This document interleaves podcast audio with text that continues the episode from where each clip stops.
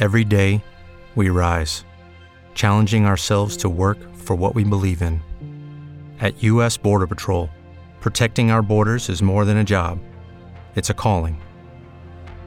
Agents answer the call, working together to keep our country and communities safe.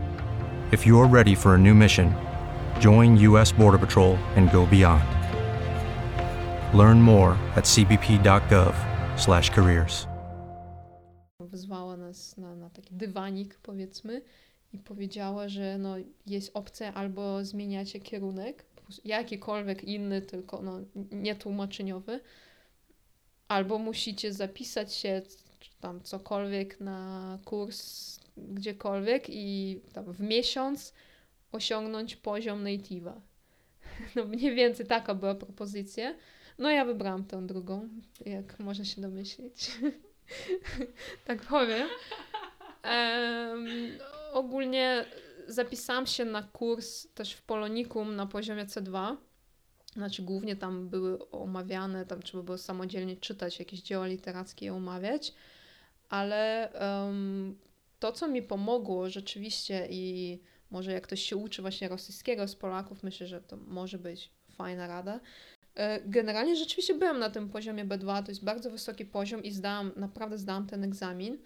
Mm, tyle, że to też niestety mm, myślę, że większość osób może ma takie doświadczenie, że kiedy uczymy się języka obcego i przebywamy z osobami, jakby obcokrajowcami czy native'ami tego języka, to w większości dostajemy bardzo pozytywny feedback. Co jest fajne, no bo też e, nie chodzi o to, żeby poprawiać tam każdy błąd, jak, jak nie jesteśmy na lekcji, ale ma to też swoją negatywną stronę, szczególnie kiedy uczymy się tak podobnego języka, w którym no, e, ryzyko popełnienia błędu takiego jakby jakiejś kalki czy tam użycia false friendu jest bardzo wysoki, bo o ile jakiś, no nie wiem, Anglik, no jak nie zna słowa po polsku, po prostu nie zna i nie powie. No nie będzie wstawiał konstrukcji gramatycznych z angielskiego, no a jak ktoś jest z, z rosyjskojęzyczny, no to spróbuje wstawić tam rosyjskie słówko, a nuż się uda, więc mimo tego, że zdałam egzamin na B2, to moja jakby mowa mniej więcej wyglądała tak, że tam były jakieś słówka polskie, ale cały szyk zdania, wszystkie niemalże konstrukcje były tak naprawdę rosyjskie. I, I, ja o tym nie wiedziałam. I byłam jakby przez rok w takiej bańce i w takiej iluzji, że ja mówię jak native i w ogóle wszystko ogarniam i w ogóle żadnych błędów. I dopiero na tych studiach, jak a, ta pani profesor zwró zwróciła mi te teksty, które były całe czerwone, po prostu ka każde słowo, i on mówi po prostu nie ma żadnego poprawnego zdania, po prostu no niby wszystkie słowa są polskie, ale no wszystko jest nie po polsku, jakby cała konstrukcja, jakby cała budowa, wszystko. No to był taki zimny prysznic, e, dość nieprzyjemny, no ale tak stwierdziłam, no trzeba się wziąć, nie? Tak na poważnie za ten polski. W sensie nie tylko, żeby. Wiesz, bo, bo mnie wszyscy rozumieli. Ja nigdy nie miałam problemu, żeby coś tam wytłumaczyć, albo że ktoś nie rozumiał. Wszyscy rozumieli, ale e, trzeba było nagle dojść do takiego poziomu właśnie poprawności, takiej totalnej poprawności, że każda końcówka jest poprawna i, i całe zdanie jest polskie, że pisze tak, jakby to napisał Polak. No i wtedy dzięki Bogu e, tak mi się trafiły bardzo fajne koleżanki. Tłumaczyłam wszystko sama i to było naprawdę trudne, bo e, te teksty były trudne i nawet dla moich koleżanek, kolegów z grupy Polaków też dostawali zero punktów, czy tam nie zaliczali, bo po prostu był jakiś bardzo trudny, tam zakręcony literacki tekst i po prostu no, nie wiadomo było, jak to przekazać po polsku bezbłędnie, ale też, żeby to oddawało ten sam sens, co, co w angielskim. Mm, więc takie jedno zadanie, jakiś tam mały tekstik, no jeżeli zwykła osoba to robiła tam, nie wiem, 3 godziny, 4 godziny, taką pracę domową, no to ja potrzebowałam dwóch dni. Czyli pierwszy dzień 8-9 godzin takiego siedzenia, po prostu sprawdzania każdego słowa. Potem jak mam zdanie, no to wrzucam po prostu do Google'a, czy rzeczywiście taka kolokacja istnieje, czy na przykład powiedzmy, jeżeli ktoś e, mówi o architekturze, czy używa tych słów, czasami Google podpowiadał, że nie, może tam cięższe takie. E, I potem, jak już miałam gotowy tekst, wymęczony po tej tam nieprzespanej nocy, mm, to miałam taką koleżankę, e, do której jakby, z którą siadałam i ona czytała ten tekst i ona nie wiedziała, jaki jest tekst źródłowy, czyli ona nie sięgała jakby do tekstu angielskiego, tylko czytała po polsku i mówiła, czy, po polsku to jest poprawne. I jeżeli coś było niepoprawnego, to ona mi tłumaczyła dlaczego. Jakby każdy błąd, prostu, czy, czy to jest po prostu jakiś wyjątek, czy, czy to jest jakaś reguła e, i, i czy to jest reguła, której jeszcze nie znam, czy którą znam, ale no jakby nie używam.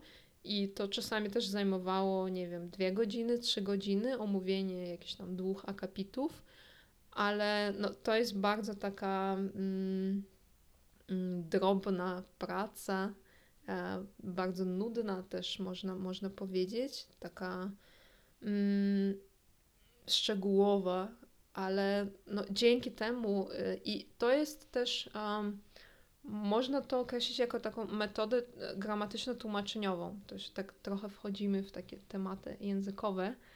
Mam nadzieję, właśnie nie, nie zanudzam nikogo, e, bo ta metoda tak bardzo nie jest lubiana chyba ostatnio, że tak mówi się dużo komunikacja, że tam musimy robić dialogi, tak tylko rozmawiać, rozmawiać cały czas.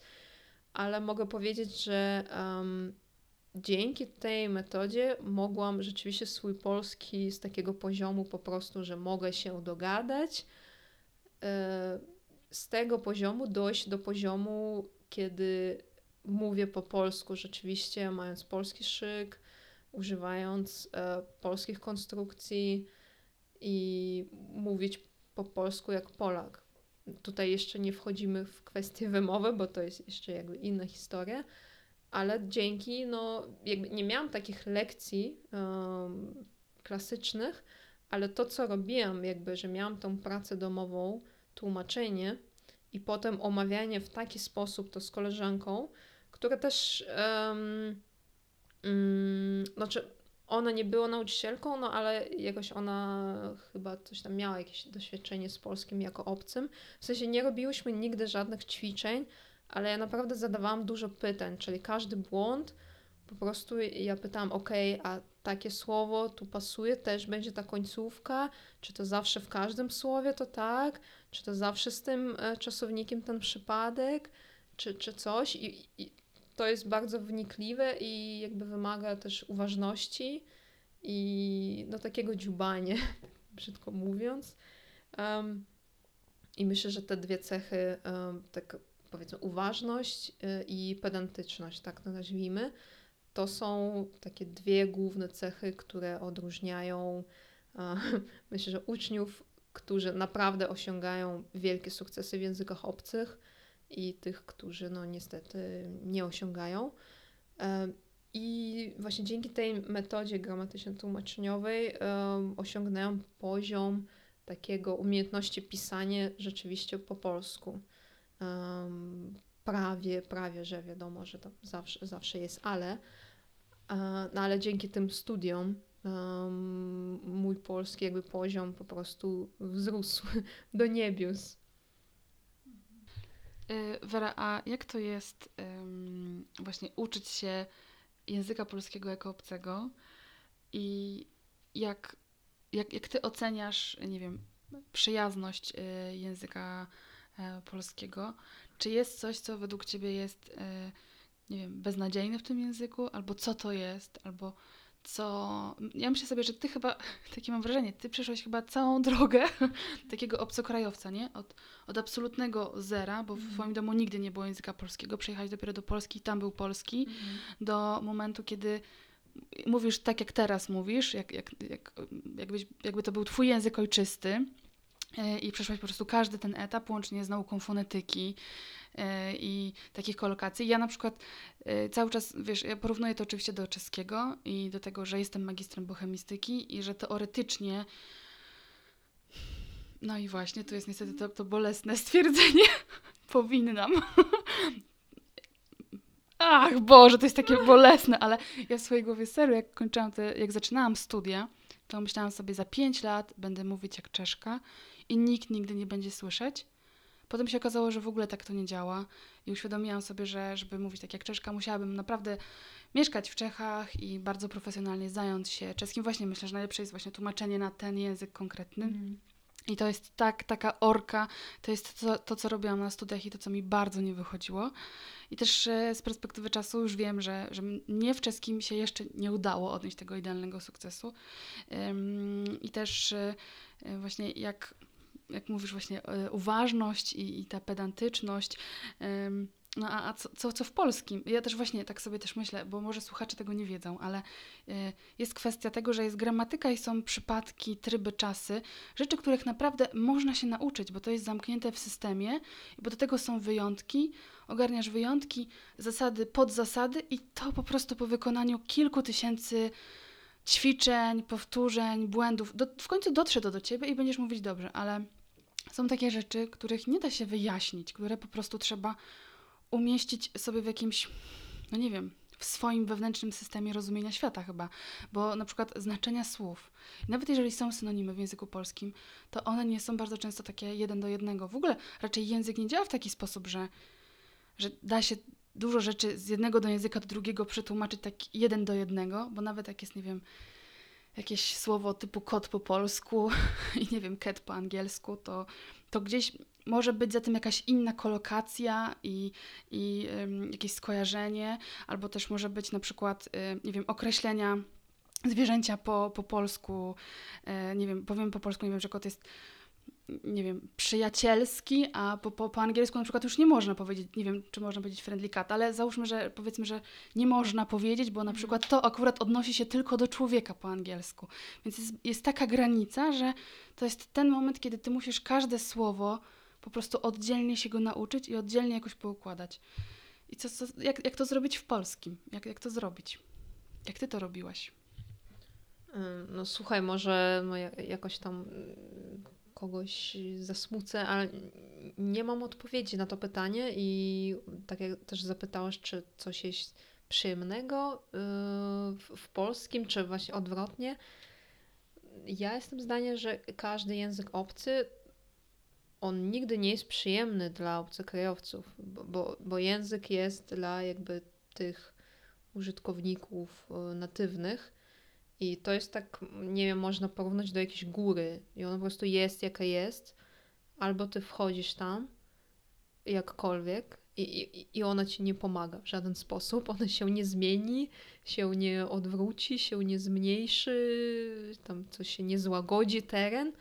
Po prostu albo postanawiasz wejść na tę górę wolno, szybko, jakkolwiek i wchodzisz i, i góra z tobą nie współpracuje, to jest taka miłość nieodwzajemniona, niestety. Ale no, to brzmi bardzo smutno i demotowujące, ale tak nie chcę nikogo demotywować. No, odwrotnie. E, no, ale to, to tak jest i e, bardzo myślę, że to zależy od e, właśnie takiej motywacji i cech wewnętrznych. Tutaj może właśnie wracając do tych kwestii tożsamościowych, dlatego że ja nie odnoszę siebie do żadnej narodowości, mm, więc tak.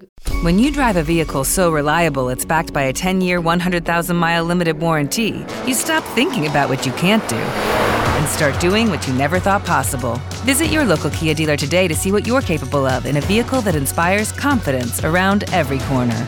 Kia, movement that inspires. Call 800 333 4KIA for details. Always drive safely. Limited inventory available. Warranties include 10 year 100,000 mile powertrain and 5 year 60,000 mile basic. Warranties are limited. See retailer for details. Oczywiście rosyjski jest moim językiem ojczystym, ale jako, że już byłam w Polsce i tak wiedziałam, że ja nie jestem tu tam na miesiąc czy coś, tylko jakby teraz przyjechałam tu, teraz mieszkam tu może za rok nie będę, ale teraz jestem tu i chcę tu być, jakby mieć maksymalny komfort. I jednym z takich filarów komfortu mieszkanie gdziekolwiek, nie tylko w Polsce, w jakimkolwiek państwie, jest um, władanie e, lokalnym językiem. E, najlepiej na poziomie native'a. Więc jeżeli chcemy też w pełni się zintegrować, mieć jakby znajomych lokalnych, no i pracować, tak, i no nie mieć żadnych ograniczeń, nie, żeby czuć się y, tutaj jako locals i korzystać ze wszystkich jakby benefitów y, i mieć życie takie totalnie jak Polak, jak obywatel tego, no, no musimy jakby y, znać ten język. Znaczy nie musimy, nikt nic nie musi, ok? Taki disclaimer.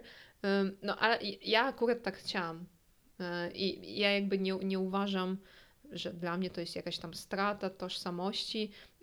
Ja już od wielu lat jakby polski jest dla mnie językiem pierwszym. Tak? To nie jest to samo co ojczysty, ale według częstotliwości użycia to, to jest dla mnie pierwszy język, w którym mówię wszędzie, we wszystkich tam miejscach pracy, e, w którym czytam książki, nie wiem, oglądam YouTube'a, słucham podcastów i tak dalej. Więc ja miałam bardzo silną motywację wewnętrzną. Wiem, że nie każdy ma taką i nie każdy musi mieć. Może ktoś chce się nauczyć do poziomu A1, to, to też jest fajne. I, I to się łączy, jakby no dużo trzeba mieć takich cech, jak, takiego samozaparcia też, no. Chociażby wspominając tę, tę kwestię z tą o, panią profesor, no, mogłabym po prostu przejść na jakikolwiek inny kierunek i dać sobie spokój. No, ale po prostu to też może jest trochę taki perfekcjonizm, trochę niezdrowy, no ale konkretnie w tamtym przypadku okazał się na plus. I w przypadku języka polskiego, jakby to wszystko jest na plus. Chociaż no to się łączyło w niektórych chwilach, jakby z bardzo nieprzyjemnymi momentami, chwilami, ale, ale da się po prostu, trzeba, trzeba bardzo chcieć i właśnie nie, nie czekać, aż język będzie z tobą się współpracował, bo, bo on nigdy nie będzie przyjazny, nigdy nie będzie łatwy. Język obcy jest zawsze trudny, bo jest obcy i nigdy nie nastąpi taki moment, w którym powiemy, o teraz zdominowałam ten język, znam wszystko. No, nawet teraz mówiąc, chyba popełniłam dużo błędów, świadomie lub nie, czy tam z różnych powodów. E, mimo tego, że pewnie jak drugi raz odsłucham, to, to znam te rzeczy i na pewno sama zauważę te błędy i poprawię je. ale, ale no, język to taka rzecz, tak? To, to nie jest jakaś wiedza, którą można przyswoić i, i już, tylko to jest umiejętność, którą trzeba dokształcać codziennie i ta nauka nigdy się nie kończy. No nawet mm, rozmawiając z Tobą tutaj w przerwie na, na różne dość emocjonujące tematy, no tam użyłaś kilku słów, które zrozumiałam, co, co znaczą, ale wiem, że sama nigdy bym e, ich nie użyła, bo no jakoś tam pasywnie rozumiem, ale w takim aktywnym swoim, e, w swoich tych zasobach nie mam. Mm, także tak, tak, tak, tak to jest, y, więc nie mogę dać jakiegoś tam łatwego, nie wiem, zdradzić triku czy tajemnicy. No, po prostu jest to ciężka praca i taka monotonna, nudna przez dłuższy okres czasu. No ale ja akurat lubię to, więc jeżeli komuś się podoba, to, to na pewno się uda. A ja na przykład jestem też tym zainteresowana ze względu na, na moich uczniów, bo ja oczywiście nie mam do te, takiego dostępu do języka polskiego, jak, jak ty, ty miałaś, ty masz i jak, jak, jaki mają obcokrajowcy, ale zastanawiam się, czy e, co, co, co ci się wydawało takie najtrudniejsze? Czy miałeś taki moment w ogóle zwątpienia? Ja wiem, że ten moment z panią profesor to był pewnie jakiś moment mm. ważny, ale czy wcześniej na tych niższych poziomach, kiedy ta ta gramatyka, ten język, no ciągle odwołujemy się, że ta gramatyka jest trudna, ale to właśnie, tak myślę, gramatyka to jest taki mały pierwiastek, taki, mm. taki, mhm. taki elemencik, który naprawdę da się wypracować, a wszystko, ten zasób y, słownictwa, tych kolokacji, jak się łączy czasowniki z przyimkami. Ja po prostu pamiętam, jak, jak, jak ja na czeskim płakałam po prostu ucząc się tego, myślałam sobie, kurwa, nigdy tego nie zrobię, po prostu nigdy nie zapamiętam, bo to nie jest coś, czego się nauczysz, bo nie ma na to reguły, to po prostu musisz pamiętać i, i zawsze w głowie musisz sobie to po prostu wyciągać nagle z dna mózgu, szybko reagować i, i szukać tego, a jak tłumaczysz, to w ogóle jest jeszcze inna sytuacja, ale czy na tych wcześniejszych poziomach, kiedy, kiedy byłaś na, y, no, na, tej, na początku tej drogi, czy miałaś taki moment, y, albo czy w ogóle jest może taki element języka polskiego, który wydaje ci się szczególnie najgorszy, taki coś szczególnie y, trudnego, co może być trudne dla obcokrajowców? Kurczę, chyba nie. I w ogóle powiem tak, że e, u mnie to jest tak, że im dalej, tym trudniej. To ja bardziej mogę tam teraz jakoś tam się zachwycać, że o Jezu, tam nie wiem, dziesiąty rok jestem w Polsce i nadal popełniam jakiś błąd, albo o, tam użyła się jakiegoś słowa, ja nie znam tego słowa i, i codziennie mam takie słowa, których nie znam niestety i, i to jest taki element demotywujący. Na początku było bardzo łatwe i myślę, że to jest takie standardowe, standardowe słowiańskie odczucie. Um, bardzo podobny język. Od pierwszej lekcji y, bardzo dużo rozumiesz, jakby pasywnie, szybko zaczynasz mówić bez problemu. No i też e, jakby polski to nie był mój pierwszy język obcy. Byłem już po skończonej filologii, czyli miałam wykształcenie filologiczne, co daje no, dużą przewagę w nauce kolejnych języków. Plus to już był mój e, piąty, szósty, piąty, no tak piąty slash szósty powiedzmy język obcy, czyli no miałam naprawdę duże doświadczenie i no nie wiem, co mogłoby mnie zaskoczyć. Pewnie no jedynie ta rzecz, że z jednej strony właśnie to był pierwszy język słowiański i było tak szybko, tak radośnie w porównaniu na przykład do arabskiego, w którym tam po roku dopiero nauczyłam się czytać, co nie? Więc to, to, to była taka radość, że o, po roku tam zdam B2, ale jestem fajna. Z innej strony właśnie świadomość tego, że mam B2 i, i, i, i się okazuje, że całe zdanie jest niepoprawne, czego na przykład nie miałam w arabskim i nie miałam po angielsku, bo po angielsku, jeżeli już się nauczyłam, no to albo się nauczyłam i, i mówię dobrze, czy tam po arabsku już tam opanowałam tę konstrukcję, no na pewno nie będę wstawiać jakiegoś tam rosyjskiego czegoś. I, I że zauważyłam, że w tych, mm, że tutaj jest taka inna trudność, taka nowa dla mnie, ta interferencja, e, ten transfer negatywny. I to była taka nowość i nie wiedziałam, jak, jak to jakby pokonać, w ogóle da się to. I teraz opowiadam tak o tej metodzie tłumaczeniowej, jakby już mając to doświadczenie, ale wtedy to robiłam po prostu, żeby zdać tę pracę i zaliczyć, ale nie wiedziałam, że jakby to jest mój sposób na naukę tego. I teraz to stosuję na przykład z, z uczniami i bardzo chętnie właśnie stosuję takie um, tłumaczenie, że daję po prostu e, specjalnie dobieram takie zdanie, gdzie jest niezgodność na przykład w rodzaju albo w przypadkach i wiem, że to jest skuteczne, bo wiem to z własnego doświadczenia. Więc to, to mnie tak nauczyło, ale no, z tym polskim właśnie miałam różne fazy, bo studia to jest jedna rzecz e, i to potem też jakby opanowałam w piśmie, powiedzmy, nauczyłam się pisać rzeczywiście po polsku, ale pisanie no to jest taki proces, że miałam całą noc do zastanowienia się i mogłam rzeczywiście, korzystając z różnych narzędzi, e, tłuma e, tłumacza, tam Google'a, wyszukiwarki, tak dopieścić ten, ten tekst, że on rzeczywiście wyglądał tak, jakby to napisał inny uczeń polski. No, ale mówienie to, to jeszcze jakby też inny temat. Więc e, dopiero e, jak w 2017 roku, to już kilka lat później, znaczy wymowę wtedy jeszcze cały czas miałam taką bardzo, znaczy ja też nie miałam jakiegoś tam mocnego akcentu, ale no tam jakieś miałam dość zauważalny. I wtedy w 17 roku e, taki jeden mój znajomy z Syrii zaproponował, żebym uczyła go polskiego. I tak stwierdziłam, chyba mogę tego wyzwania się podjąć, bo mm, no mam już bardzo duże doświadczenie jakby na, na ten moment. Już miałam e, w nauczaniu i w nauczaniu rosyjskiego, e, innych języków, plus polski ja już znam jako obcy, czyli ja nie muszę tak jak nauczycielki polskie uczyć się tych, o, że to tak się tłumaczy dopełnić, że tutaj jest dopełnić, tylko ja tego się uczyłam i ja to bardzo dobrze pamiętam, więc ja nawet mogę powiedzieć, że mam tę przewagę, że jak ktoś mnie zapyta, no to ja wiem jakby jaka, jaka to jest trudność, bo, bo ja sama miałam to samo.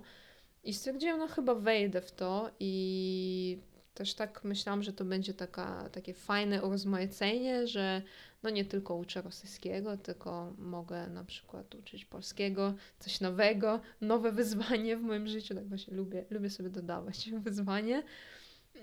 I stwierdziłam wtedy, że um, no muszę tak jednak, znaczy czułam się dość pewnie w polskim, ale muszę się dokształcić tak, żeby już naprawdę to był poziom, no nieperfekcyjny, nie chcę używać tego słowa, bo, bo nie ma czegoś takiego, nawet nativi nie mają tego, bo, bo w języku nie mamy e, jakby końca czy jakiegoś limitu, Zawsze można czegoś się dowiedzieć nowego, nawet będąc native'em, ale e, zrobiłam dwie rzeczy. Poszłam na studia glottodydaktyczne, w których akurat te wszystkie przedmioty pedagogiczne tam dla mnie e, no, nie wniosły dużo do, do, do mojego życia, bo raczej były rzeczy, o których tam dawno wiedziałam i z doświadczenia i raczej te wszystkie takie sprawdziany albo prace domowe, pedagogiczne, gdzie trzeba było tam, nie wiem, na forum a, czy tam dla grupy wyjaśnić jakieś zagadnienie, to ja będąc jako jedyna osobą, która ma, jak zna język polski jako obcy, to robiłam to najlepiej i wtedy to mi też dało tako, takiej pewności siebie, że wcale nie jestem gorsza jakby przez to, że a, to nie jest mój język ojczysty, tylko zobaczyłam, że ja mam przewagę tak naprawdę i że te koleżanki z mojej grupy, kolega też jeden był, jeden, ale był, więc koledzy e, nawet mówiły, mówili, że ale ty masz fajnie, że, że my tam musimy, że ktoś nas zapyta, co to za forma i, i, i, nie wiemy, a ty w ogóle to wszystko masz już w ogóle gotowe w głowie i w ogóle super tam robisz prezentację, ale fajna rzecz, która rzeczywiście też um, polepszyła mój poziom polskiego, to były zajęcia z gramatyki, czyli po prostu musiałam nauczyć się całej gramatyki, całego języka polskiego. E, I to akurat dla koleżanek to było bardzo łatwe, no to, bo, bo jakby wiadomo, wiedzą, że po prostu to tak jest.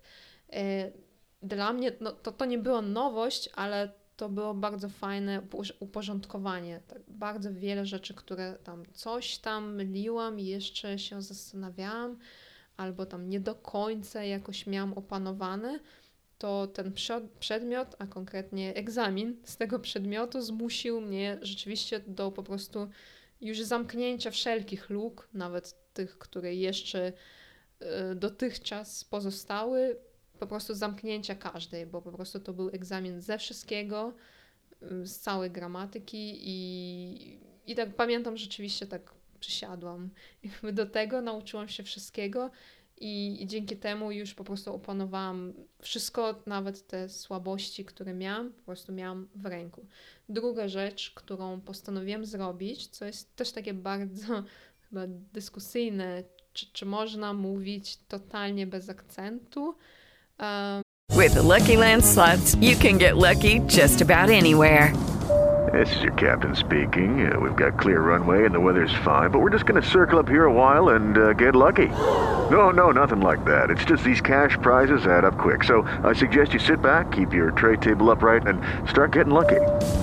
Play for free at LuckyLandSlots.com. Are you feeling lucky? No purchase necessary. Void where prohibited by law. 18 plus terms and conditions apply. See website for details.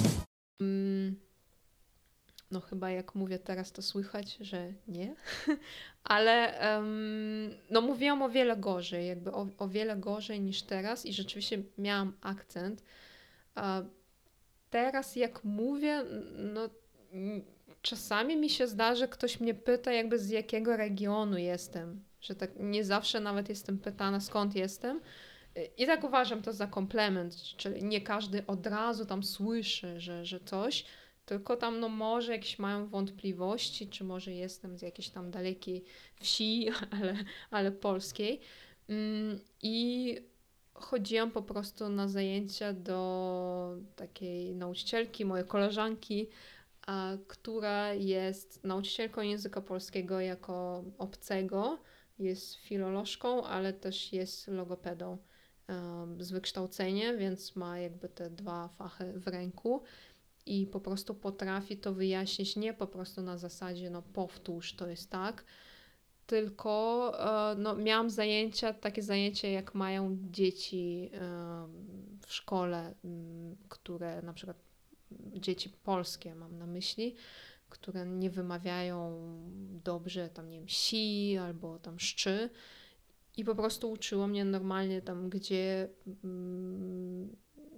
gdzie powinien być język, jak ustawić wargi, zęby, najpierw w izolacji, potem z jakąś głoską, potem z dwoma głoskami i tak powoli, powoli, aż do, do momentu, kiedy to jest w płynnej mowie i no oczywiście mam tak jakiś może mini akcent, ale no na pewno nie mam błędów, czy na pewno nie ma jakichś liter, który, których nie wymawiam, e, czy tam nie różnicuję. No takich błędów nie mam. Też na pewno nie mam błędów intonacyjnych, E, ale no to, to jakby wynik e, tej pracy no, ze specjalistą, ze specjalistką, można powiedzieć, bo też dużo osób, tak uczniów często, często pyta, nie wiem, czy twoich też, czy właśnie, że on, oni tak powtarzają i, i często są takie porady gdzieś w internetach, no, że tam trzeba robić taki shadowing, że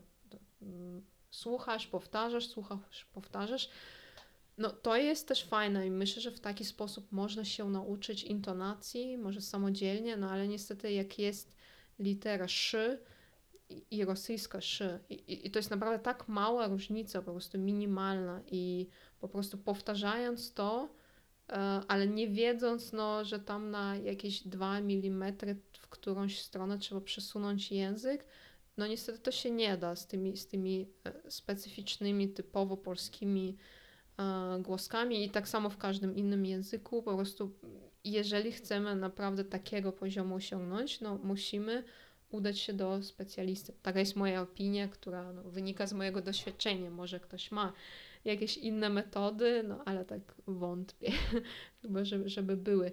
No i, i to chyba były powiedzmy ostatnie takie zajęcia, na które chodziłam z języka polskiego to było w właśnie 17-18 roku. No i dalej już jakby od 17 roku tak aktywnie uczę polskiego. No i wiadomo, jak uczę, komuś coś wyjaśniam, no to cały czas powtarzam to.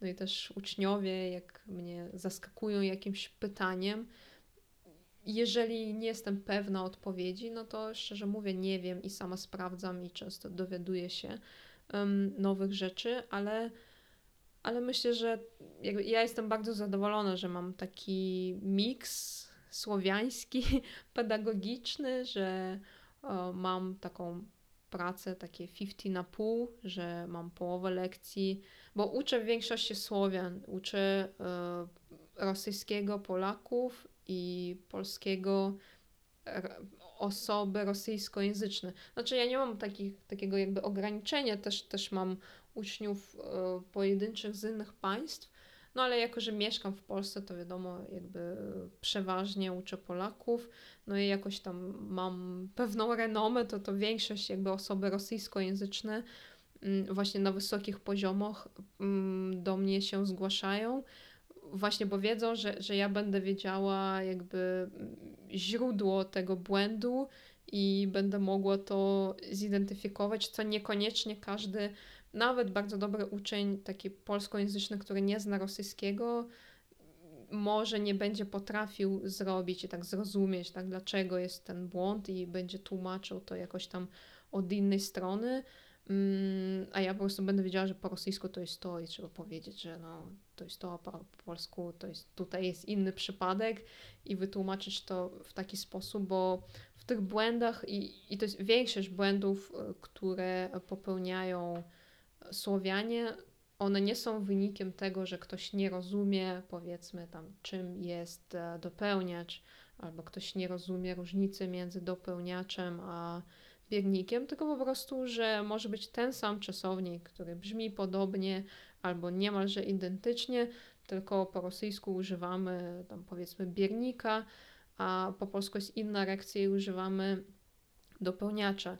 I myślę, że w takim e, przypadku właśnie się sprawdza właśnie moja znajomość dobra obu języków, że ja po prostu będę wiedziała, że trzeba tej osobie powiedzieć, że ten czasownik po rosyjsku jest ten przypadek, a po polsku ten i, i nie ma co tłumaczyć tam od zera, czym jest dopełniacz i katować końcówki dopełniaczowe, więc um, bardzo się cieszę, że tak odnalazłam chyba, um, że tak mogę to robić w obie strony i e, tak, jestem zadowolona z tego, co obecnie robię.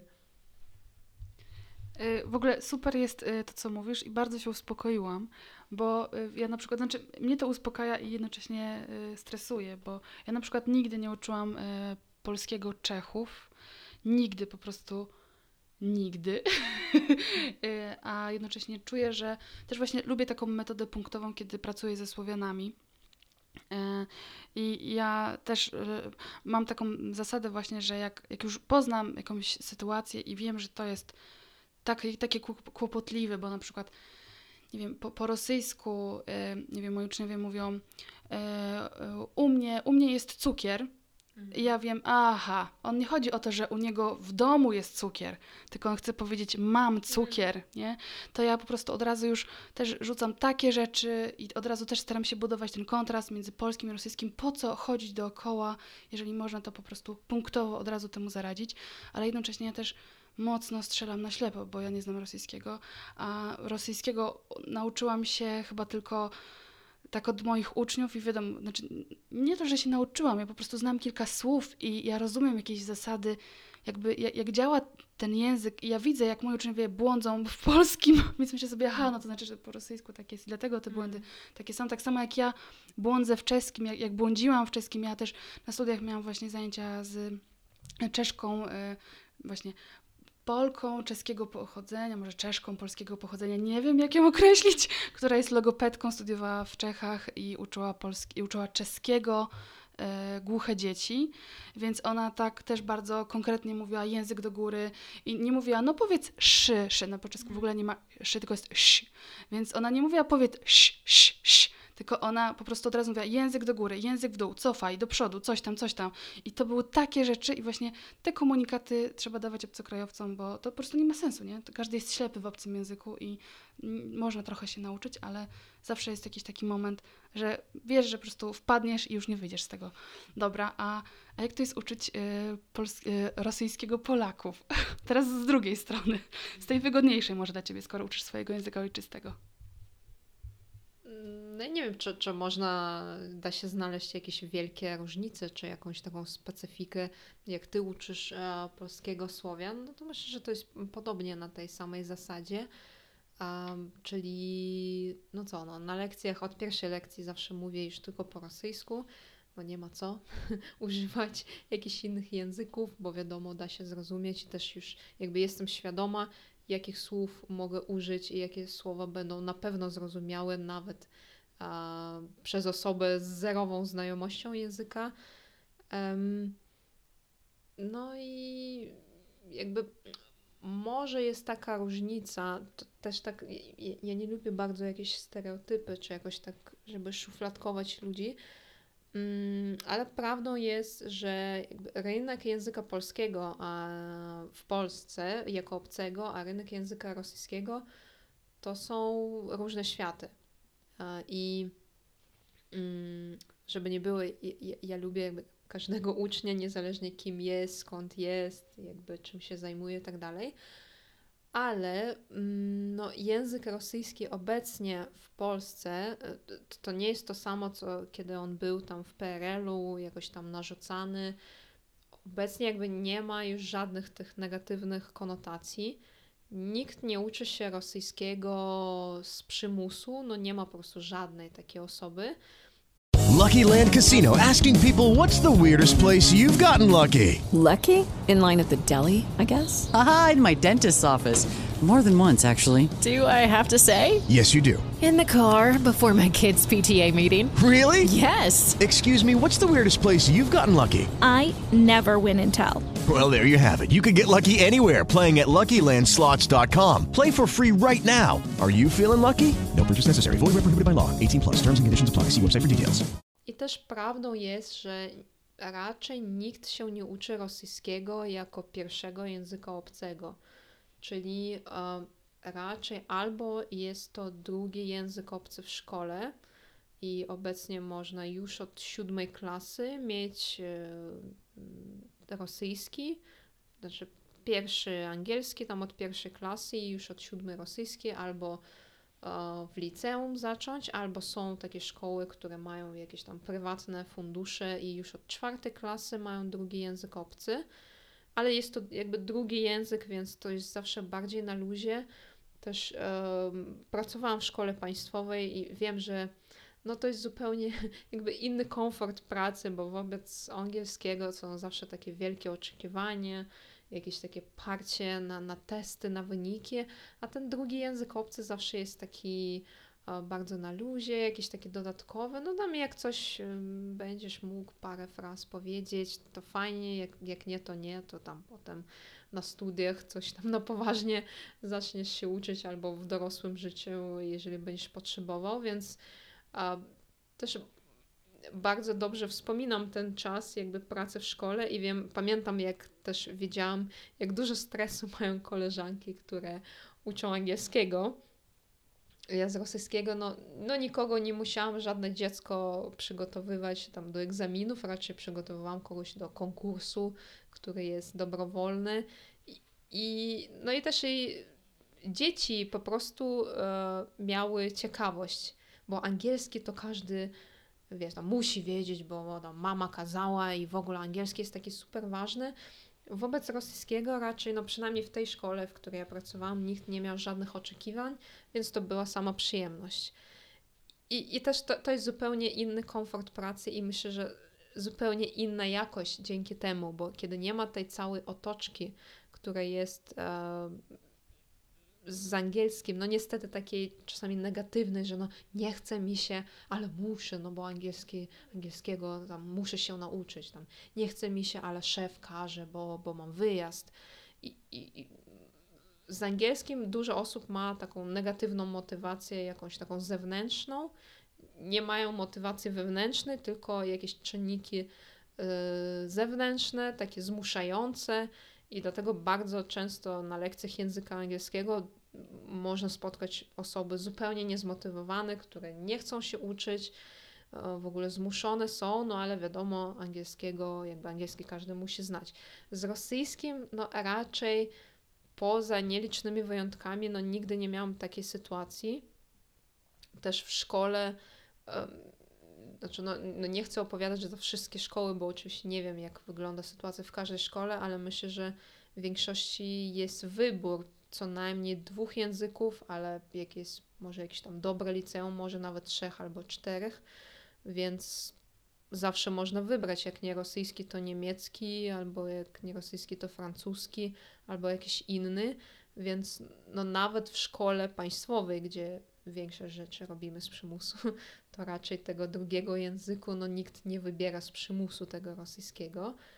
Mm, tak samo w liceum, tym bardziej na studiach, kiedy już w ogóle mamy wybór wszystkiego, co chcemy i mamy jakby wpływ na, na, na wszystko, tym bardziej na lektoraty, to język rosyjski um, zazwyczaj wybierają osoby, które rzeczywiście są zainteresowane. I to jest taka rzeczywiście po prostu ciekawość i taka zwykła motywacja wewnętrzna. I ona jest, to nie jest takie oczywiste, bo, bo też tak często teraz gdzieś w internecie można się spotkać z taką opinią, że tam koniecznie trzeba mieć jakąś twardą motywację, że tam typu właśnie praca, albo jakieś benefity, albo wyjazd. No, ja jestem przeciwnego zdania właśnie, bo, bo, bo wydaje mi się, że tego typu motywacje to są wszystko takie wewnętrzne czynniki, które tak naprawdę nie są motywacją, tylko takimi zmuszaczami.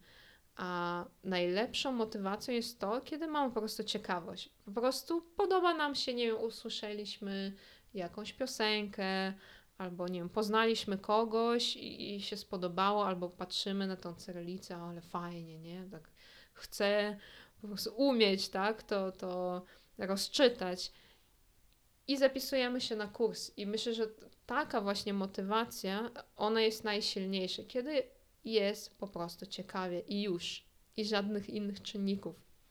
I myślę, że rosyjski obecnie w Polsce w porównaniu do, do innych języków, takich jak angielski, czy nawet niemiecki, czy teraz tak mm, popularny się zrobił hiszpański, on jest rosyjski taki bardziej niszowy, ale z jednej strony ja się cieszę, że, że on się znalazł w tej, tej swojej niszy, takiej nowej, że faktycznie no, 99% uczniów to są osoby bardzo dobrze wykształcone, które znają już kilka języków obcych, co najmniej dwa albo więcej, więc mają doświadczenie w nauce, raczej też wiedzą, jak się uczyć, czyli no, raczej nie ma czegoś takiego jak.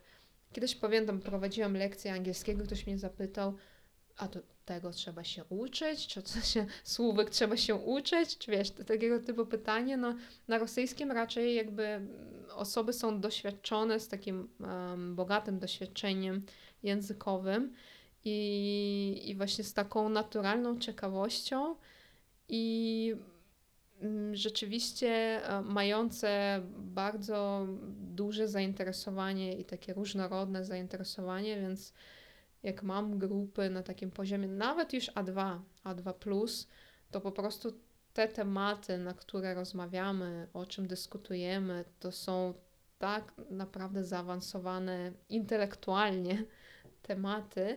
I ja wiem, że no nie wiem, też ja nie chcę jakichś takich, żeby tutaj jakieś takie stwierdzenia padały, ale nie wiem, czy gdybym uczyła angielskiego, czy, czy rzeczywiście no, to by wyglądało tak samo bo rzeczywiście z rosyjskiego, szczególnie jeżeli chodzi o osoby dorosłe, no, no rzadko można znaleźć jakąś osobę, która by się zapisała na kurs i, i nie wie po co się zapisała i myśli sobie, a może się wypisać, a w sumie to nie chce mi się nic robić i nie wiem jak się uczyć, coś takiego, no to, to jest rzadkość, więc uh, to jest um, wielka przyjemność dla mnie uczyć e, rosyjskiego, który jest e, może nie aż taki popularny w porównaniu do innych języków, ale przez to chyba mogę powiedzieć, że zrobił się taki trochę ekskluzywny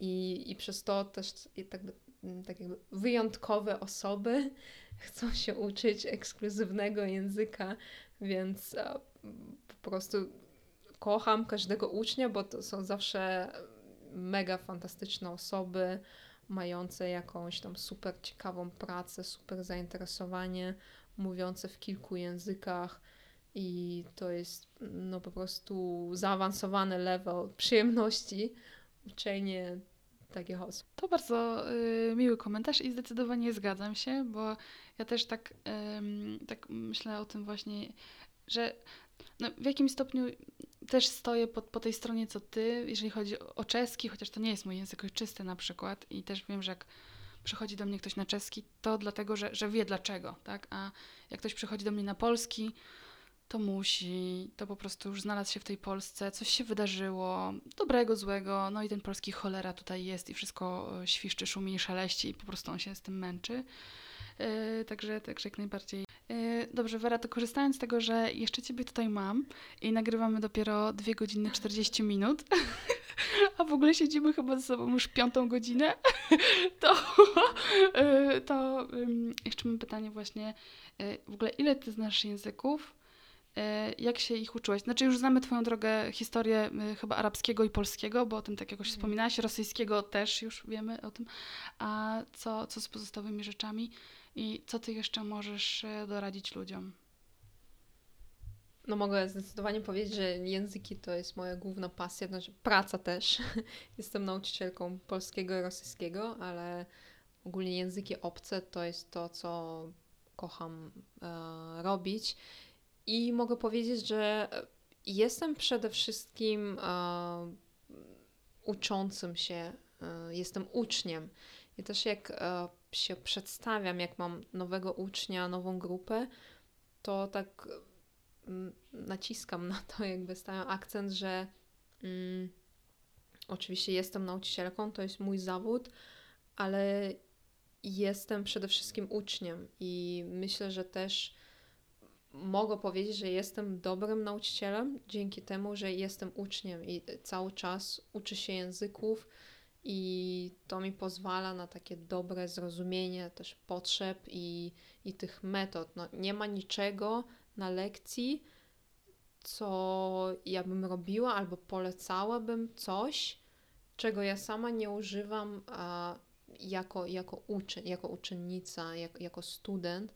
Mm, więc jeżeli ja mówię na lekcji uczniom, że ta metoda to jest skuteczne, albo tam polecam zrobić coś, to dlatego, że ja sama to robię i, i, i widzę efekt tego. Um, tak jak już wspomniałam, w szkole miałam już dwa języki na bardzo solidnym poziomie angielski i francuski. Miałam arabski perski na uniwersytecie.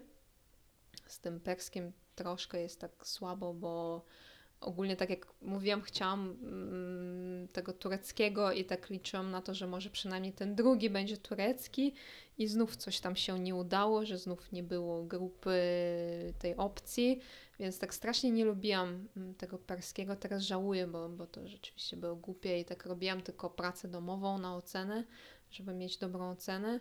No i teraz tak liczę, może kiedyś wrócę, bo, bo to rzeczywiście piękny język, którego warto się nauczyć na poważnie. Um, uczyłam się też języka łacińskiego. Oczywiście nie po to, żeby mówić i komunikować się, nie wiem, w sklepie z kimś w tym języku, ale to jest niesamowita pomoc i mm, przy nauce kolejnych języków, szczególnie tych europejskich, no to, to jest po prostu mega baza, która y, bardzo solidnie pomaga. Mm, jeszcze miałam takie krótkie doświadczenie z językiem niemieckim, też po polskim. Jak już polski miałam w miarę opanowane, to tak stwierdziłam, że no muszę właśnie uczyć się czegoś nowego, tak, żeby jak uczę cały czas i żeby nie być, mm, ja, ja cały czas boję się tak być w tej takiej bańce, bo też zdaję sobie sprawę, tak absolutnie się nie chwaląc, tylko no, z całą odpowiedzialnością, że no, mam duże doświadczenie w nauce języków obcych. Też jestem, jakby mam wykształcenie filologiczne, lingwistyczne, no więc mam dużą przewagę nad większością osób. I to, to nie są w żaden sposób talenty, ale no pewne cechy, które wykształciłam podczas jakby studiów i mm, nauki każdego kolejnego języka. I bardzo się boję, jakby nie chcę też być taką właśnie osobą, która no już zupełnie odlecieć, nie? Do kosmosu, żeby ktoś mnie pytał i ja bym się zastanawiała, o Jezu, tam, jak ty nie możesz tego zrozumieć, nie? Chociaż no, przyzna się, mamy często takie myśli, też no, nikt nie jest perfekcyjny, idealny i często no, też nie jesteśmy komputerami, możemy tam się zdenerwować, i, I myślę, że dlatego właśnie każdy nauczyciel powinien czegokolwiek, no najlepiej języka się uczyć, żeby no, ten bilans był, bo tym bardziej, kiedy uczymy jakby swojego języka ojczystego, to jeszcze trudniej jakby zrozumieć, no, no, no czemu ty tego nie rozumiesz? Cholerę, nie? Tłumaczę to piąty raz. Więc to całe, cały czas takie bycie uczniem to jest myślę, że e, obowiązkowy element bycia dobrym nauczycielem. E, aktualnie się uczę języka portugalskiego, takiej brazylijskiej wersji i mm, zrobiłam sobie coś takiego, co się nazywa silent period, czyli okres milczenie, tak tłumacząc dosłownie na polski. Czy w zeszłym roku po tych wszystkich przejściach, lockdownach, to znaczy nie, nie miałam wtedy koronawirusa, ale tak psychologicznie dość ciężko, mogę powiedzieć, przeszłam to. Nie straciłam pracy, tylko miałam o wiele więcej pracy nagle. No i tak rzeczywiście byłam zapracowana i psychologicznie dość ciężko mi było. I latem, jak już tak wszystko to się w miarę uspokoiło i wróciło do normalności, tak stwierdziłam, no muszę coś zrobić takiego dla siebie, coś, coś przyjemnego, nie dla pracy, nie dla pieniędzy, nie dla tam czegoś, jakieś tam osiągnięć, tylko po prostu robić coś przyjemnego. I wtedy jakoś wróciłam do oglądania takiego serialu brazylijskiego, nazywa się Klon. To jest taki serial, e, ja nie wiem czy w Polsce to tak też było, ale w latach 90., kiedy jeszcze nie było tam Netflixa, YouTube'a, nawet internet chyba nie każdy miał w domu, na pewno nie taki, żeby oglądać jakieś wideo, mm, no to się oglądało telewizję i w rosyjskiej telewizji e, zawsze wieczorem, chyba tam 17-18, e, standardowo był brazylijski serial. Więc ja mogę powiedzieć, całe dzieciństwo z babcią, czy nawet moi rodzice też co wieczór po pracy mm, oglądali e, codziennie jeden odcinek jakiejś tam e, noweli, telenoweli.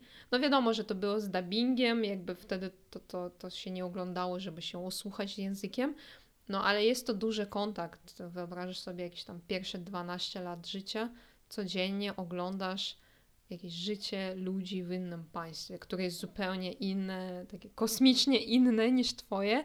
Oczywiście też jakby no, trzeba sobie zdawać sprawę, że to życie w serialu, a życie realne w Brazylii to nie jest to samo absolutnie, no ale mimo wszystko. Yy, no i też już od wielu lat w Polsce, będąc w pewnej organizacji studenckiej, miałam, poznałam jakby na żywo Brazylijczyków tutaj w Warszawie i do dziś mamy kontakt, utrzymujemy. Też byłam w 2016 roku w Brazylii, więc no powiedzmy mam jakąś taką więź emocjonalną z niekoniecznie z miejscem, ale jakby z ludźmi, z kulturą i z tą całą powiedzmy otoczką e, wszystko co jest do. Okay, round 2. Name something that's not boring. A laundry? Ooh, a book club. Computer solitaire, huh? Ah, oh, sorry. We were looking for Chumba Casino. That's right. ChumbaCasino.com has over 100 casino style games. Join today and play for free for your chance to redeem some serious prizes. ChumbaCasino.com. No purchase necessary. Full prohibited by law. 18 plus terms and conditions apply. See website for details. Koła tego języka. No i po prostu sam język po prostu mi się podoba. Jego dźwięk. To, to, to jest tak jak miód dla, dla moich uszu, mogę tak powiedzieć.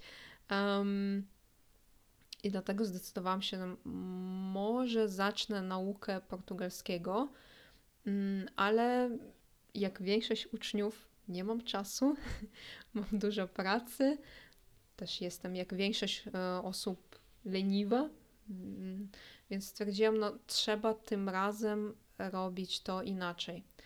E, I też już teraz, mając to całe doświadczenie, też patrzę na przykład właśnie, jak uczyłam się polskiego i mam na myśli nie tylko ten kurs, ale właśnie co zrobiłam potem samodzielnie. Także na przykład teraz mam tę świadomość, że te prace tłumaczeniowe z koleżanką to była nauka polskiego, tak? I że to, to, to, jest, to też jest metoda. Albo e, jak byłam um, na uniwersytecie, uczyłam się arabskiego, no to w jaki sposób osiągnęłam ten poziom właśnie tej płynności w rozmowie, no nie tylko dlatego, że robiłam wszystkie prace domowe, tylko na przykład, że zostawałam po, po lekcjach i rozmawiałam z tym naszym nauczycielem, albo tam czasami chodziłam z nim do, z nim do sklepu, coś przetłumaczyć, czyli miałam konwersację z native'em. I jakby wszystko to przeanalizowałam, to takie metody, które nie są oczywiste, bo najczęściej analizujemy, no, jakie mamy podręcznik, jakie kwalifikacje ma nauczyciel, jaka jest szkoła, a tak naprawdę no, nie te rzeczy decydują o takim faktycznie sukcesie. I, I też często się mówi, no to tam trzeba mieć talent. No t, t, tak, to jest takie właśnie, tak patrzę na twoją twarz. trzeba to jakoś um, wyartykułować, tak, ten, ten wyraz, no, że nie ma czegoś takiego jak talent. To jest um, absolutny bullshit, tak brzydko mówiąc, ale to jest właściwe słowo na to. E, no, tylko trzeba używać tych skutecznych metod. Więc już od razu wiedziałam, że jak zapiszę się do jakiejś szkoły czy nauczyciela, no to, nie jest to, to się nie nauczę. No a też jako, że mam ten swój perfekcjonizm, to, to nie chcę zaczynać czegoś, co, co będzie um, nie wiadomo jakiejś, jakiej jakości, tylko chcę robić to, to dobrze. No i też sobie mm, takie trochę wezwanie zrobiłam, że stwierdziłam, będę się dzielić na przykład tym, jak się uczę z uczniami, no i też na przykład ma, mamy Instagrama, to czy mój Instagram jest dla uczących się, dla Polaków uczących się rosyjskiego, ale stwierdziłam, może będzie to też ciekawy wątek, że tak będę pokazywać na przykład, co robię z portugalskiego, jak robię, e, żeby jakby pokazać, że no, ja też się uczę, tak, że to nie jest żaden talent, to, to nie jest jakaś tam zagadka, tajemnica poliglotów, tylko robię, słuchajcie, te same rzeczy, co, co wy i możecie dzielę się tym i, i to, to, to są skuteczne metody i możecie robić to samo z językiem rosyjskim i osiągać też e, dobre, dobre wyniki. Więc generalnie uczę się samodzielnie. Miałam ten silent parent, więc oglądałam ten serial, jakoś słuchałam podcastów, ale po prostu no, ja, ja tak jestem zachwycona tym językiem, że ja mogę słuchać nawet czegoś, czego nie rozumiem, czy tam rozumiem trzy słowa, które są takie międzynarodowe, ale nie rozumiem jakby całej treści, ale po prostu mi się po prostu maksymalnie podoba się ten, ten dźwięk, więc słucham podcastów tej po prostu boskiej muzyki, tej bossanowy Mm, I od stycznia, no to jest takie typowe, nie? Takie postanowienie noworoczne, no ale u mnie akurat to zadziałało, bo mm, po nowym roku zaczęłam się uczyć aktywnie e, i u mnie to wygląda tak, że najpierw miałam, prawie od pierwszego tygodnia miałam konwersację z native'em, który nie jest nauczycielem, po prostu jest native'em no i musiałam przez pół godziny coś do niego mówić. Już tam, przynajmniej kim jestem, skąd jestem, takie proste pytanie, ale już mówić w, po portugalsku. E, I miałam tak właśnie z jednym chłopakiem, a potem e, jeszcze tak z drugą dziewczyną zaczęłam mieć drugi raz. E, I teraz w tej chwili mam konwersacje z native'ami cztery razy w tygodniu. I to są konwersacje, czyli Akurat też znalazłam osoby, e, Brazylijczyków, którzy się uczą języka rosyjskiego, więc mamy wymiany. Po prostu łączymy się na godzinę i pół godziny rozmawiamy tylko po portugalsku. E, staramy się nie używać angielskiego, czyli jak ja nie znam czegoś, no to staram się albo to pokazać, jeżeli to jest jakaś rzecz, albo no już teraz po czterech miesiącach jestem na takim poziomie, że mogę wytłumaczyć, czyli powiedzieć, no nie wiem, potrzebuję słowa, które się nazywa miejsce, miejsce, w którym, nie wiem, leżą produkty, tak? I to jest lodówka, powiedzmy, że ta osoba ma mi podać słowo, słowo lodówka. No i potem pół godziny rozmawiamy po rosyjsku Oczywiście e, zapisujemy wszystkie słowa czy konstrukcje, wyrażenia, które się pojawiają, um, więc e, często takie też dostaję pytanie, że no okej, okay, jakby rozmawiasz i co? Jakby, jak się uczysz? Um, no właśnie w taki sposób, że mam listę tych, tych słów, tych wyrażeń, które potem, niekoniecznie od razu po, czasami tydzień po, czasami nawet dwa tygodnie po, czyli używając tej metody Space Repetition System, czyli czasami czekam dwa tygodnie i po dwóch tygodniach dopiero spisuję te słówka. I najczęściej jest tak, że wszystkie pamiętam, ale spisując je, zazwyczaj pracuję ze słownikiem takim portugalsko-portugalskim, czyli e, szukam jeszcze innych przykładów użycia, innych kontekstów i też przypisuję to do zeszytu. I wtedy mi przychodzą do głowy jakieś nowe pomysły, a o co jeszcze mogłabym zapytać, na przykład tę osobę używając tego słowa, albo jakiś inny wątek z tym słowem, więc jakieś pomysły na kolejne konwersacje, ale też taki no, sekret, powiedzmy w cudzysłowie, bo dość dużo osób właśnie e, jest zaskoczone tym, że ja nie używam żadnych aplikacji i też ja, ja nie uczę się słówek, na, naprawdę, jakby nie, nie, mam w tej chwili żadnej metody do nauki słówek i, i nie uczę się słówek. Po prostu pamiętam je wszystkie po konwersacjach, a tajemnica, cała tajemnica, sekret jest taki, że no akurat udało mi się trafić na super fantastyczne i ciekawe osoby, które w tym momencie mogę powiedzieć, że są moimi um, kolegami. I ja po prostu czekam na tę konwersację, bo ja naprawdę chcę porozmawiać e, z tą osobą, tak jak z moją koleżanką, bo jestem e, na przykład z jedną koleżanką się widzę raz w tygodniu, jestem ciekawa, co u niej i po prostu jestem zmuszona, tak, zapytać o to wszystko po portugalsku i, i zawsze nam wychodzą jakieś tak odjechane osoby, e, osoby, tematy. Tak się śmiejemy, że ja po prostu nawet jak po tygodniu dopiero zaglądam do tej listy, to ja mam tak jakby wielki i mocny emocjonalny związek z tymi słowami, że powiem, a, że, że to był ten żart, albo o, to wtedy, kiedy ona coś tam żartowała o jakiejś, nie wiem, toalecie, powiedzmy. I, i, I zawsze to tak pamiętam i mam tak dużo skojarzeń, jakby tą całą historię, że te słowa jakby naturalnie zostają w mojej głowie. Oczywiście to nie jest tak, że 100% i to jest normalne. Nigdy nie pamiętamy 100% i no, nie jesteśmy komputerami, ale myślę, że to, to jest ważne. Po pierwsze, właśnie mieć kontakt z native'ami e, jak najszybciej. Tak, na, na początku to będą bardzo rozmowy takie proste, na bardzo takie basic tematy, ale e, z ubiegiem czasu to będą coraz bardziej ciekawsze rozmowy. No i też to nie jest jakby łatwe i tutaj nie mam jakiejś metody, no ale fajnie znaleźć osobę, z którą naprawdę nam jest ciekawe rozmawiać. Czyli to nie jest osoba, że na zasadzie dobra, teraz mam rozmawiać w języku obcym, o czym porozmawiamy. No w sumie mnie nie ciekawisz, ale dobra, zadam ci jakieś whatever pytanie o czymkolwiek. Tylko kiedy jest rzeczywiście ta osoba ciekawa, jestem ciekawa, co u niej, co ona robi, co w pracy i ja, zawsze mamy tak, że nam brakuje tego czasu, że już mija godzina, a my jesteśmy w jakimś temacie, no ale tam niestety musimy kończyć, bo każdy ma jakieś obowiązki, czy coś tam dalej musi iść, pracować, czy odpoczywać, tak, to też jest ważne.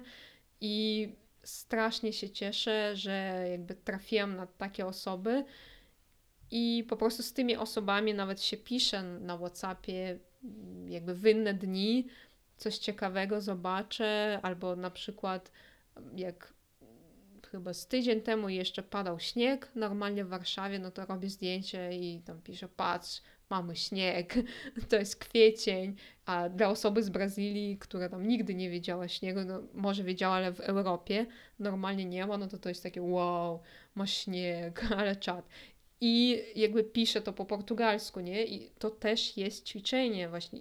To jest właśnie nauka języka, taka prawdziwa, można powiedzieć, kiedy mówisz, y, starasz się, bo, bo chcesz to powiedzieć.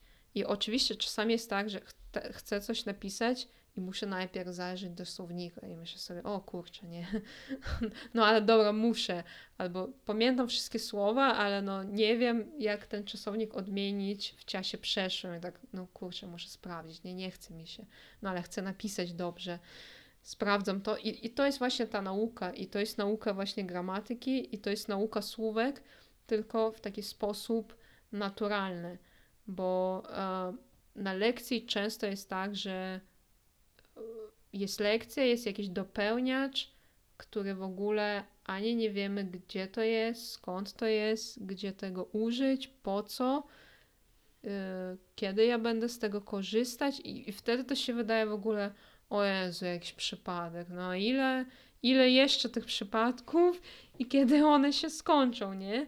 I wtedy jest takie zniechęcenie. Wtedy, kiedy zmuszamy siebie do takiego wyzwania, bo to jest wielkie wyzwanie, e, żeby mieć kontakt z native'em od początku i mieć kontakt też z materiał, materiałami autentycznymi, czyli słuchać podcastów e, na te tematy, które mnie interesują, czyli jeżeli interesuje mnie piłka nożna i ja słucham tych podcastów, z których rozumiem 10%, na ten moment rozumiem 10%, ale nawet jak nie rozumiem wszystkiego, to i tak jakby głowa rejestruje to i dzięki temu jakieś już jestem osłuchana, załapuję jakieś intonacje, może nawet jakieś kolokacje mm, i to wszystko pomaga. To wszystko i właśnie i to nie jest talent. I teraz e, właśnie na przykład wczoraj miałam na Instagramie takiego live'a z tym mm, moim drugim partnerem językowym.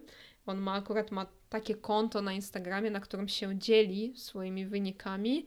I też tak jak ja czwarty miesiąc uczy się portugalskiego, to to on uczy się czwarty miesiąc rosyjskiego, więc zaprosił mnie do takiego live'a, który był w języku portugalskim, e, bo on opowiada jakby no, dla swoich odbiorców w języku portugalskim, jak się uczy rosyjskiego, co robi i tak dalej, a dla mnie to jest w języku obcym, i od wielu osób dostałam taki feedback, że wow, po czterech miesiącach, że tam mówisz po portugalsku, jesteś gdzieś tam na Instagramie, w jakimś live w ogóle, co? Że no to na pewno jakiś talent, nie? Że tam coś masz.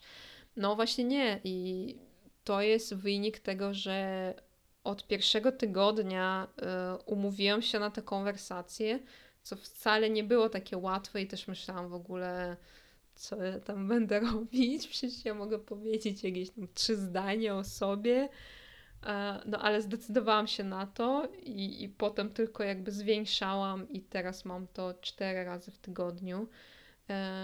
I to wcale nie jest tak dużo, bo jeżeli policzyć jakby sumę czasu, który spędzam ucząc się, to wyjdzie myślę, że tyle samo, jak uczniowie chodzą powiedzmy półtorej godziny do szkoły, czyli to jest trzy godziny, no i tam robią pracę domową, no powiedzmy, że dwie godziny, czyli pięć godzin. No ja nie, nie spędzam więcej niż to, albo nawet mniej, bo rozmawiam pół godziny, czyli to jest w sumie dwie godziny i w inne dni, no maksymalnie, nie wiem, 40 minut może właśnie robię jakieś powtórki, coś spisuję i robię czasami w aplikacji mm, jakieś takie słownictwo podstawowe albo ćwiczę jakieś takie podstawowe konstrukcje gramatyczne, ale to jest, to jest dodatek. I tutaj nie wliczam czasu na, na właśnie tę imersję, bo, bo to nie jest czas, który spędzam specjalnie. Jakby ja nigdy nie słucham podcastów siedząc przy biurku przed komputerem, tylko słucham podcastu po portugalsku, kiedy jadę metrem, albo nie wiem, zmywam naczynia, albo coś robię, więc to, to, to nie jest jakby, nie potrzebuję do tego czasu wolnego, czyli robię to równolegle z czymś, albo jeżeli oglądam coś, no to oglądam to w czasie wolnym.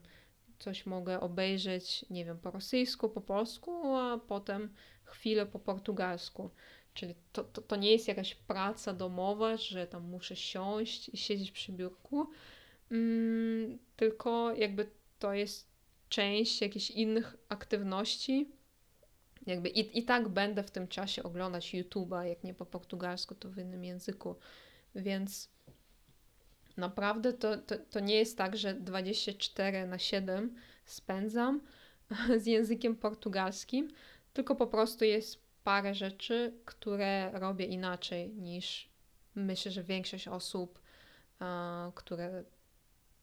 Dobra, nie mówmy większość, bo też nie wiemy, ale powiedzmy, jak taki typowy uczeń, który tylko chodzi do szkoły, robię, robi tam dwa, trzy ćwiczenia, które nauczycielka kazała zrobić. E, no i potem dziwi się, że o, no, no dobra, nie mam talentu, więc uczę się już rok i, i nie rozmawiam płynnie. Więc e, myślę, że kontakt z native'ami, konwersacje, właśnie nie lekcje, tylko konwersacje, plus e, kontakt z autentycznymi materiałami, materiałami, to jest po prostu podstawa. I to musi stanowić po prostu zdecydowaną większość naszej aktywności językowej, a takie no, robienie właśnie ćwiczeń, to, to może być dodatek i jakaś tam ma, mała, mała część nauki. To, to jest moja jakby metoda i, i właśnie to tak podkreślam jeszcze raz, że ja to mówię z własnego doświadczenia jako uczeń i to samo mówię na lekcjach do swoich uczniów, że to wszystko, co opowiadam, to ja sama to robię i sama to weryfikuję codziennie, um, ucząc się. I właśnie jak ktoś na przykład nie wierzy albo chce zobaczyć, czy, czy, czy, czy to nie jest jakie, jakaś głupota, no to może wejść na Instagrama i ten live jest na przykład zapisany z tym moim kolegą i może posłuchać, tak, jak mówię po czterech miesiącach nauki portugalskiego i to, to nie jest żaden sekret, to, to nie jest jakaś tam metoda, którą trzeba kupić, tylko jakby dzielę się tym i to, to, to jest, wszystko da się zobaczyć w internecie, jakie, jakie są wyniki. Więc tak, tak wygląda moja nauka obecnie portugalskiego. Jestem, mogę powiedzieć, totalnie zakochana w tym języku i bardzo lubię właśnie słuchać szczególnie tej muzyki. E, I po prostu to jest dla mnie przyjemność nawet jak siadam, żeby poćwiczyć jakiś czasownik, po prostu sprawia mi to frajdę, bo wiem, że jak rozmawiałam z tym kolegą, koleżanką, to on a, pięć razy mnie poprawił, że to nie jest ta forma, tylko tam powiedzmy inna koniugacja, więc jak ja to mam później w tej aplikacji, to ja się cieszę, że o, nareszcie jest ten czasownik i jakby wreszcie się nauczę tej gramatyki. I jakby jakby widzisz, to, to jest e, zupełnie odwrotne, nie? Niż to, co zazwyczaj uczniowie mówią, o Jezu, gramatyka, no muszę się uczyć. A to jest to jakby odwrotnie, dlatego że najpierw mam kontakt i taką naturalną chęć, i jeżeli widzę, że cały czas dostaję pytanie, na przykład, co robiłeś wczoraj, co robiłeś weekend, czyli na przykład cały czas potrzebuję czasu przeszłego którego nie znam dobrze, bo, bo on nie jest za łatwy w języku portugalskim, no to jak w końcu mam to w tych materiałach, w tej aplikacji, to ja się cieszę z tej gramatyki, bo ja wiem, że aha, nareszcie nauczę się tego czasu przeszłego i będę mogła opowiadać to, to, to, to, to i tamto. I już wiem co. Czyli już e, najpierw mam kontakt, najpierw mam tę potrzebę i potem jak dostaję tę gramatykę, to jestem super zmotywowana, żeby, żeby tego się nauczyć, a nie odwrotnie. Niestety w szkołach, szczególnie państwowych, no i na, na niektórych kursach jest odwrotnie, że najpierw uczymy się, uczymy się teorii, nie rozumiemy po co ona jest, bo, bo nie mamy kontaktu z żywym językiem i często niestety wielu uczniów ogranicza swój kontakt wyłącznie do kontaktu z nauczycielem i jedyna osoba, do której, z którą rozmawiają w tym języku, to jest nauczyciel, co jest bardzo wielkim błędem, absolutnie fatalnym błędem. No i wtedy rzeczywiście jakby ta gramatyka wydaje się bez sensu, bo jak nie rozmawiamy, nie mamy tych potrzeb, to i wiadomo po co się uczyć jakichś reguł, kiedy nie gramy w żadną grę. się. Hello, it is Ryan, and we could all use an extra bright spot in our day, couldn't we? Just to make up for things like sitting in traffic, doing the dishes, counting your steps, you know, all the mundane stuff. That is why I'm such a big fan of Chumba Casino. Chumba Casino has all your favorite social casino style games that you can play for free anytime, anywhere with daily bonuses. That should brighten your day a little. Actually, a lot. So sign up now at chumbacasino.com. That's chumbacasino.com. No purchase necessary. BGW. Void were prohibited by law. See terms and conditions 18 plus. Zasad. tej gry. Więc bardzo polecam jakby mieć konwersację, tym bardziej, że teraz no, mamy to na wyciągnięcie ręki i można z łatwością połączyć się z osobami z Brazylii, skądkolwiek za darmo. Znaczy, są oczywiście też płatne aplikacje, serwisy, ale można to zrobić za darmo i to też myślę, że fajne o tym, fajnie o tym wspomnieć, że nauka nie musi kosztować. Jedynie jakby co ona kosztuje, to naszego, to jest nasz wysiłek i nasz czas. Ale y, mówiąc o kwestiach finansowych, naprawdę jakby to może być za darmo albo naprawdę niewielkim kosztem. I właśnie jak, e, jak mówisz o tym, to e, o tym właśnie uczeniu się, ja tak myślę, że ja bym w ogóle dodała do tego jeszcze coś takiego, że ja na przykład stosowałam te momenty, w których ja miałam ten language boom, działy się wtedy, kiedy zaczynałam do siebie myśleć w tym języku. I ja na przykład y, pamiętam, że jak y, byłam w liceum i miałam taki moment w angielskim, że jakoś tak, a wiem, już wiedziałam, że wyjadę do Belgii. I wiedziałam, że tam będę musiała mówić po angielsku przez jakiś czas y, i cały czas, no ja byłam na takim poziomie A2+, plus i to było ciągle za mało i ja wtedy w głowie strasznie dużo sobie zaczęłam opowiadać historii po angielsku, zabrakło mi słów. Oczywiście na pewno było dużo błędów gramatycznych, ale zabrakło mi słów. Ja te słowa później nie sprawdzałam i e, potem nauczyłam się w swojej głowie, znaczy dzięki temu, że nie znałam tych słów, e, to nauczyłam się, nie wiem, jak jest ślina po angielsku, czy e, piła łańcuchowa. No po prostu rzeczy, o których, czy pewnie teraz się zastanawiacie, dlaczego opowiadałam sobie w głowie coś o pile łańcuchowej. Nie wiem. Zadałam sobie to w głowie. ale, no ale jakoś mnie to do tego y, doprowadziło i ja potem, y, jak studiowałam czeski, to, to też tak miałam, chociaż oczywiście jak się studiuje język, no to ten cały czas są jakieś zajęcia i po czesku dużo ludzi do mnie mówili. W ogóle mój, y, mój Facebook się zamienił w pewnym momencie na czeski Facebook i już po prostu telefon miałam po czesku, no więc tak totalnie wbiłam w to i po prostu zaczęłam, to też był taki moment, że poczułam że mnie ta fala niesie. Teraz na przykład mam etap słoweński i teoretycznie mogłabym już e, skończyć słoweński. Jestem na przykład zmęczona tym poszukiwaniem perfekcjonizmu. To, że nie mówię perfekcyjnie jak Czeszka, bardzo mnie cały czas rozczarowuje i tak myślę sobie, kurwa, kiedy to się w końcu skończy? Ale im bardziej sobie zadaję to pytanie, tym bardziej wiem, że nigdy. Więc y, czuję, czuję cały czas tę rozpacz. A jednocześnie zdecydowałam się na kontynuację nauki czeskiego, e, słoweńskiego, nie czeskiego, słoweńskiego i mam teraz e, trzy razy w tygodniu słoweński po półtorej godziny z native'em. I e, mówimy no, o coraz bardziej skomplikowanych rzeczach.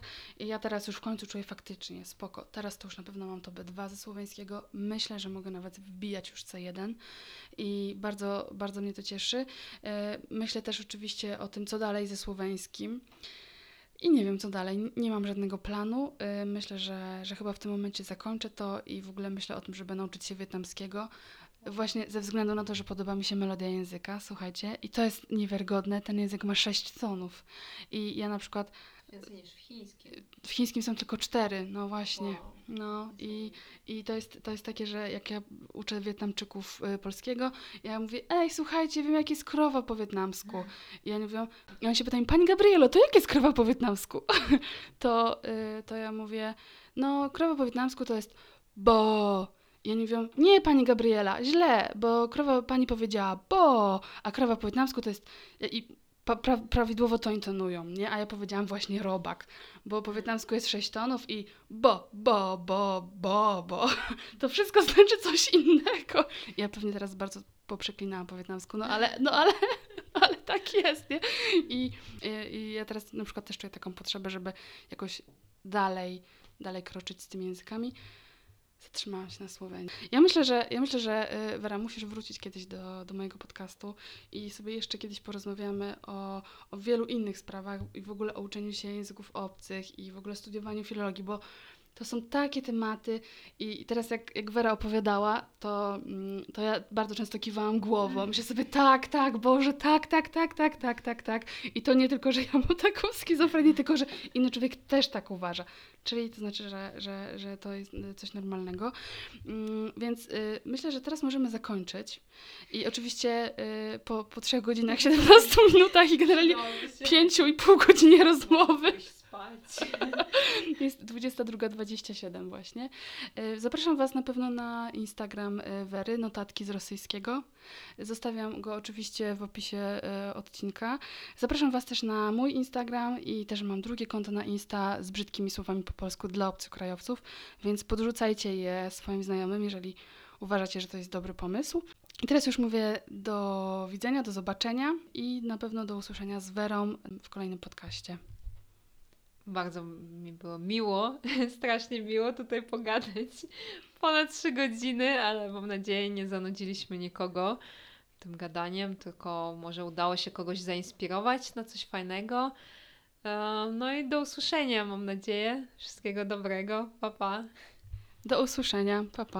Lucky Land Casino asking people what's the weirdest place you've gotten lucky? Lucky? In line at the deli, I guess? Aha, in my dentist's office. More than once, actually. Do I have to say? Yes, you do. In the car before my kids' PTA meeting. Really? Yes. Excuse me, what's the weirdest place you've gotten lucky? I never win and tell. Well, there you have it. You can get lucky anywhere playing at LuckyLandSlots.com. Play for free right now. Are you feeling lucky? No purchase necessary. Void where prohibited by law. 18 plus. Terms and conditions apply. See website for details. Um, Lucky Land Casino asking people what's the weirdest place you've gotten lucky? Lucky? In line at the deli, I guess? Aha, in my dentist's office. More than once, actually. Do I have to say? Yes, you do. In the car before my kids' PTA meeting. Really? Yes. Excuse me, what's the weirdest place you've gotten lucky? I never win and tell. Well, there you have it. You can get lucky anywhere playing at LuckyLandSlots.com. Play for free right now. Are you feeling lucky? No purchase necessary. Void where prohibited by law. 18 plus. Terms and conditions apply. See website for details.